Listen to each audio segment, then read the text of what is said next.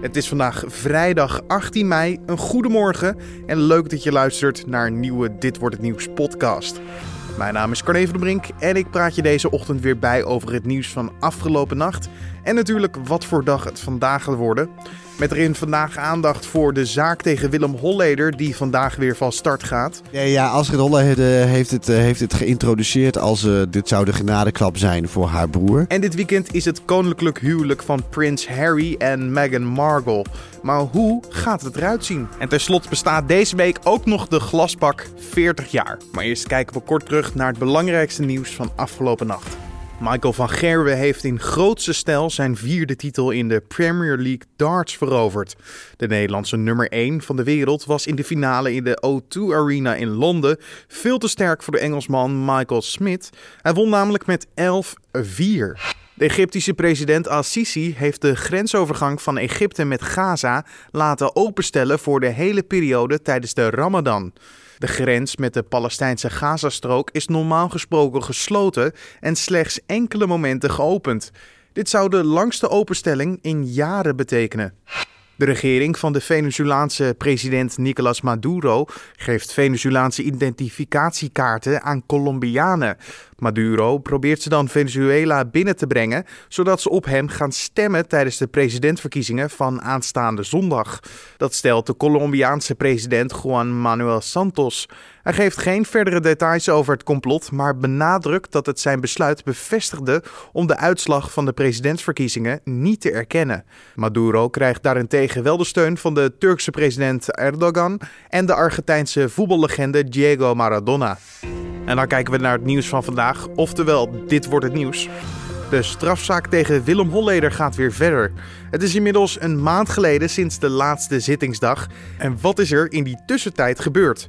Je hoort rechtbankverslaggever Joris Peters. Ja, dat, uh, dat, die tijd wordt eigenlijk gebruikt om, om getuigen te voeren. Alleen dat gebeurt in dit geval dan uh, achter gesloten deuren bij de rechtercommissaris. Uh, maar die, die, die getuigenissen die komen later nog wel aan bod in deze rechtszaak. Maar dat, dat zie je niet met de blote oog zoals de zittingen. Speciale reden dat het achter gesloten deuren is? Uh, nee, nou ja, die mensen, niet iedereen hoeft in het openbaar te worden gehoord. Uh, dus in dit geval eh, kan het soms, kunnen sommige getuigenissen juist beter achter gesloten deuren worden gehoord. Dus dat, dat is de reden eigenlijk. Oké, dan zus Astrid, die zal ook weer in de rechtbank verschijnen. Is dit haar laatste verhoor? Nee, nee, de, de, de rechtbank heeft weer een nieuw schema doorgestuurd. En daar staat op dat, dat Astrid nog wel een paar keer moet terugkomen als getuige. Nou was dat ook wel de verwachting. Um, maar uh, nee, zij zal dus samen ook datzelfde geldt overigens voor Sonja Holleder. Ook zij zal weer uh, in juni uh, moeten gaan getuigen in de rechtbank. Daar hebben we het laatste dus ook nog niet van gezien. Uh, sowieso belooft het vandaag een, in ieder geval een interessante dag te worden. Want er komen weer geluidstapes naar voren. En het zijn niet zomaar tapes. Nee, nee ja, Astrid Holleder heeft het, heeft het geïntroduceerd als dit, dit, zal de genade, sorry, dit zou de genadeklap zijn voor haar broer. Dit bijna een hashtag. Dit is bijna een hashtag inderdaad, ja. Uh, nou, dus, dus, iedereen is natuurlijk hartstikke benieuwd. Uh, de, de, het gaat zo, die, uh, ze gaan niet alle geluidsfragmenten laten horen. Het gaat om een stuk of 15 fragmenten. Stukjes daarvan zullen, zullen hoorbaar zijn vandaag. Maar de meeste zullen daarvan fragmenten worden voorgelezen. Je kan je voorstellen dat het, het is niet opgenomen met de allerbeste apparatuur.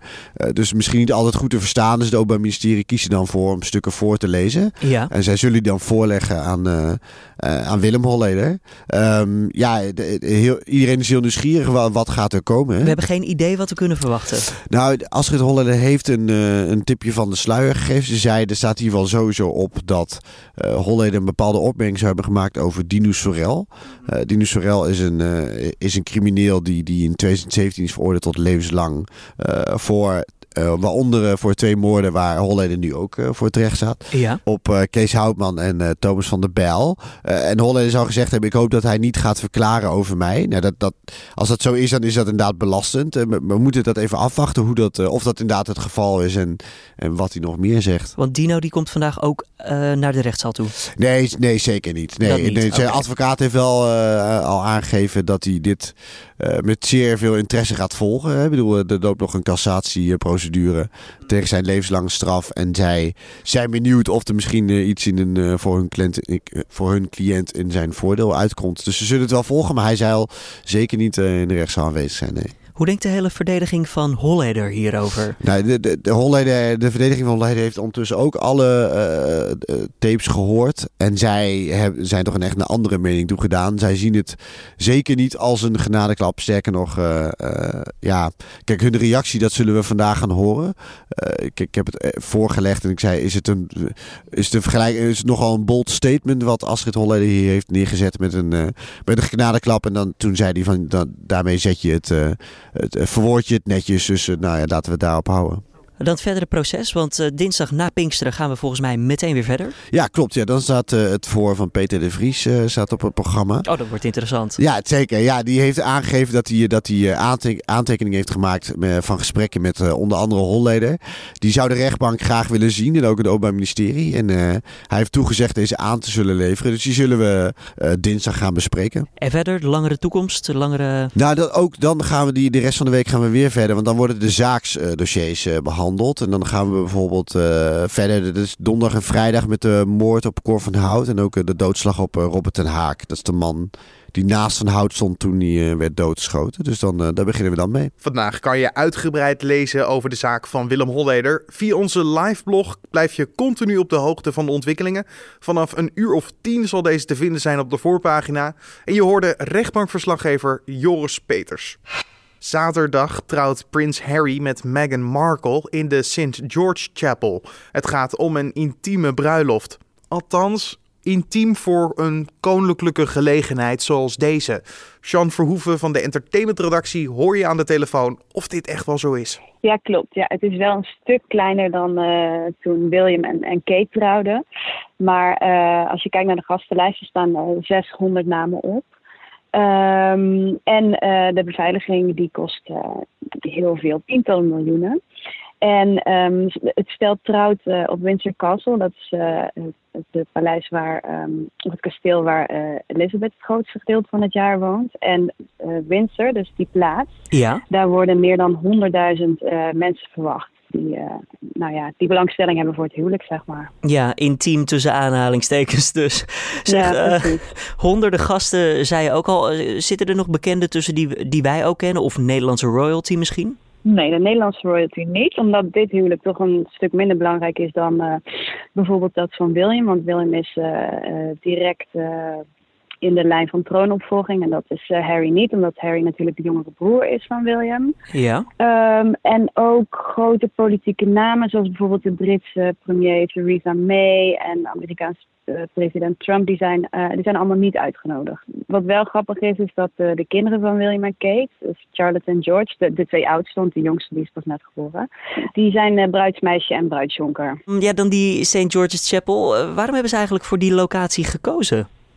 Nou, het is sowieso een belangrijke locatie voor de, voor de koninklijke familie, al eigenlijk al honderden jaren lang. En de kapel staat dus, uh, wat ik net al zei, op Windsor Castle, waar koningin uh, Elizabeth het grootste gedeelte van het jaar woont. Ja. De familie gaat er ook uh, regelmatig heen om, om diensten bij te wonen. En het is ook nog vlakbij Eton College. En daar ging Harry vroeger naar school.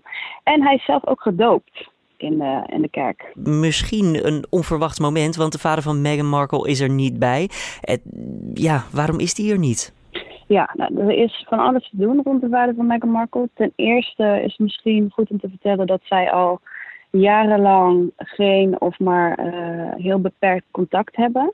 Nou zou die er eigenlijk wel bij zijn, maar moest hij woensdagochtend uh, onder het mes vanwege een hartoperatie. Dus waarschijnlijk is hij niet op tijd hersteld om erbij te zijn, maar eigenlijk is er nog meer aan de hand. Want eerder deze week werd, uh, werd namelijk bekend dat hij betaald heeft gekregen voor foto's waarop te zien is dat hij in een internetcafé eh, naar informatie over Harry zoekt. Dat is allemaal in scène gezet dus. Hij is door paparazzi gevraagd om net te doen alsof hij heel erg bezig was met dat huwelijk. Uh, vervolgens kwam de halszus van Meghan, die zei dat ze hem had overgehaald om die foto's te laten maken en dat hij daar geen geld voor gekregen zou hebben. En daarna werd er bekend dat hij er wel geld voor heeft gekregen. En um, nou ja, toen, toen dat allemaal naar buiten kwam, dacht hij, ja, dit, hiermee zet ik natuurlijk mijn eigen dochter en aanstaande schoonzoon wel een beetje, een beetje voor lul. Dus misschien is het beter als ik niet ga. Maar ja, met die hartoperatie wordt het nu helemaal lastig. Dus, uh, dus hij is waarschijnlijk niet bij. Sjan, er is ook een heleboel aan de hand bij zo'n bruiloft wat we niet zien, of wat we misschien nu vergeten te vragen. Heb jij de leuke weetjes voor ons? Ja, er zijn een hele hoop weetjes rondom de bruiloft. Zoals bijvoorbeeld de bruidstaart. Die wordt, die wordt bijvoorbeeld uh, echt bewaakt door beveiligers.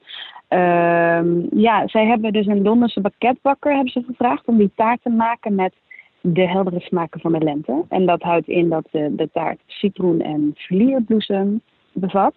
En uh, naar verluidt is het de eerste keer dat een Brits koninklijk bruidspaar uh, met deze taart dus niet kiest voor de traditionele fruittaart. Ja, rondom het huwelijk. Uh, oh, de, de, Britse pubs die zijn zaterdag twee uur langer open ter gelegenheid van het huwelijk. Zodat de mensen goed feest kunnen vieren. Dat hoort er wel een beetje bij. Zeker. Dat ze pas om, om één uur dicht gaan in plaats van uh, elf uur s'avonds. En dan de huwelijksreis. Ja, die wordt volgens mij ook korte tijd uitgesteld, of niet? Dat klopt, ja. Niet omdat er nu al iets mis is met het huwelijk. Maar omdat uh, Harry en Meghan in de, in de eerste week na hun huwelijk al de eerste officiële gelegenheid hebben waar ze met z'n tweeën uh, verwacht worden. Dus vandaar dat die huwelijksreis ietsje later plaats gaat vinden. En het gerucht gaat dat ze naar Namibië gaan met z'n tweeën. Je hoorde nu.nl-redacteur Sean Verhoeven. En de bruiloft kan je natuurlijk dit weekend ook weer volgen op nu.nl. En dit gebeurt er verder vandaag nog. De wrakingskamer neemt een besluit over het wrakingsverzoek dat is ingediend door Gert-Jan Knoops, de advocaat van Geert Wilders. Knoops deed zijn wrakingsverzoek waarmee aangegeven wordt dat er getwijfeld wordt aan de onpartijdigheid van de rechter. Dit werd gedaan na een eerder verzoek op donderdag om het hoge beroep tegen Wilders uit te stellen. En dan kijken we waar onze collega's vandaag over schrijven. Horeca-ondernemers dreigen met een schadeclaim van tientallen miljoenen euro's als het kabinet zijn plannen doorzet om rookruimtes binnen twee jaar op te doeken. Zo schrijft de Telegraaf vandaag. Branchevereniging Koninklijke Horeca Nederland eist een overgangsperiode van minimaal vijf jaar. Het voorgestelde termijn is volgens voorzitter Robert Willemsen nodig om de forse investeringen in de met afzuiginstallaties uitgeruste rookhokken te kunnen terugverdienen. De wijkteams die burgers moeten boeden voor bureaucratie en complexe regelingen over zorg, worstelen zelf met alle regels binnen gemeentes.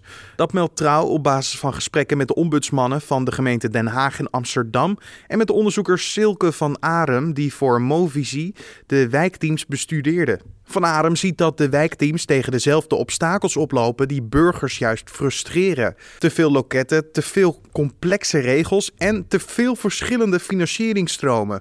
En dan nog even het weer. De dag begint vandaag nog bewolkt, maar de zon breekt daarna overal door. Het blijft droog, maar echt warm wordt het niet. Het blijft namelijk tussen de 14 en 18 graden schommelen. En dan nog dit. Het is een mooie week voor de glasbak. Deze afscheidsplek voor wit, groen en bruin glas bestaat namelijk 40 jaar. Maar wat gebeurt er nou op het moment dat jij je tas hebt geleegd in deze bak. Om dat uit te zoeken ging ik gisteren naar Vijfhuizen. Met een hesje aan en een helm op mijn hoofd ging ik op bezoek bij afvalinzameler GP Groot. Je hoort Marit Pieterse Bus van GP Groot het verlossende antwoord geven.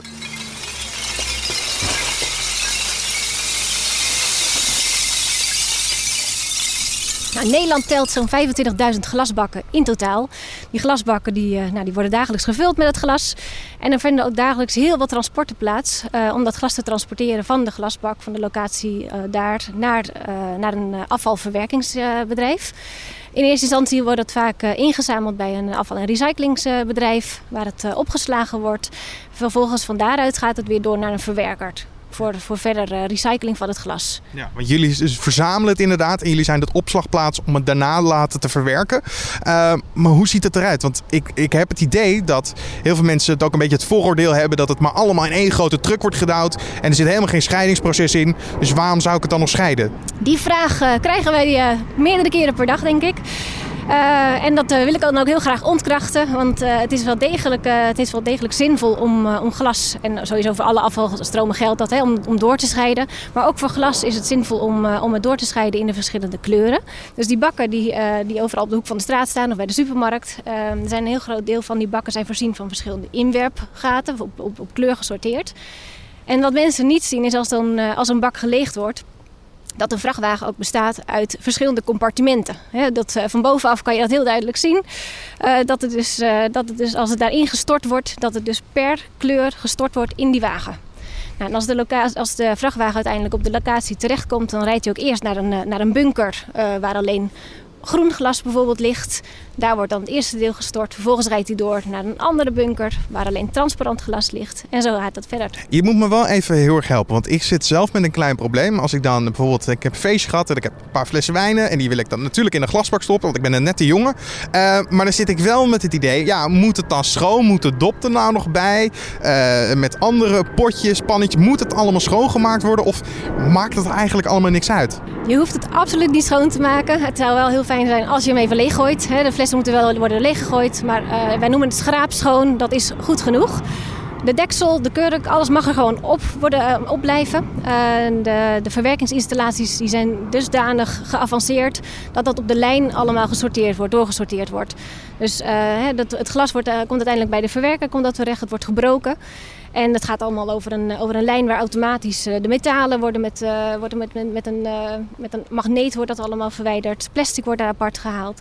Het enige waar, wat altijd wel waar, wat, wat we altijd graag doorgeven, wat absoluut niet in de glasbak thuis hoort, dat is keramiek keramiek en steen. Um, want dat, dat is lastig te verwijderen. En dat uh, verstoort het verwerkingsproces om, de, om nieuw glas te maken. En een keramieke vaas weggooien is ook zonde. is ook gewoon mooi voor thuis. Dat is uh, absoluut waar. Dat moet je absoluut niet doen. Ja. je hoorde Marit Pieterse Bus van GP Groot. En heel belangrijk is wel dat je het witte glas zo netjes mogelijk houdt. Daar kan namelijk veel gerecycled van worden. Dus dan weet je dat in ieder geval als je de volgende keer weer uh, naar de glasbak gaat. Dit was dan de Dit wordt het nieuws podcast voor deze vrijdag 18 mei.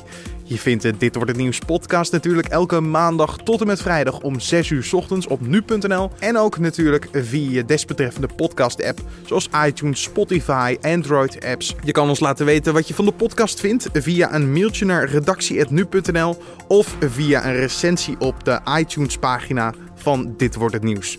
Ik wens je voor nu een prachtige dag en natuurlijk tot de volgende.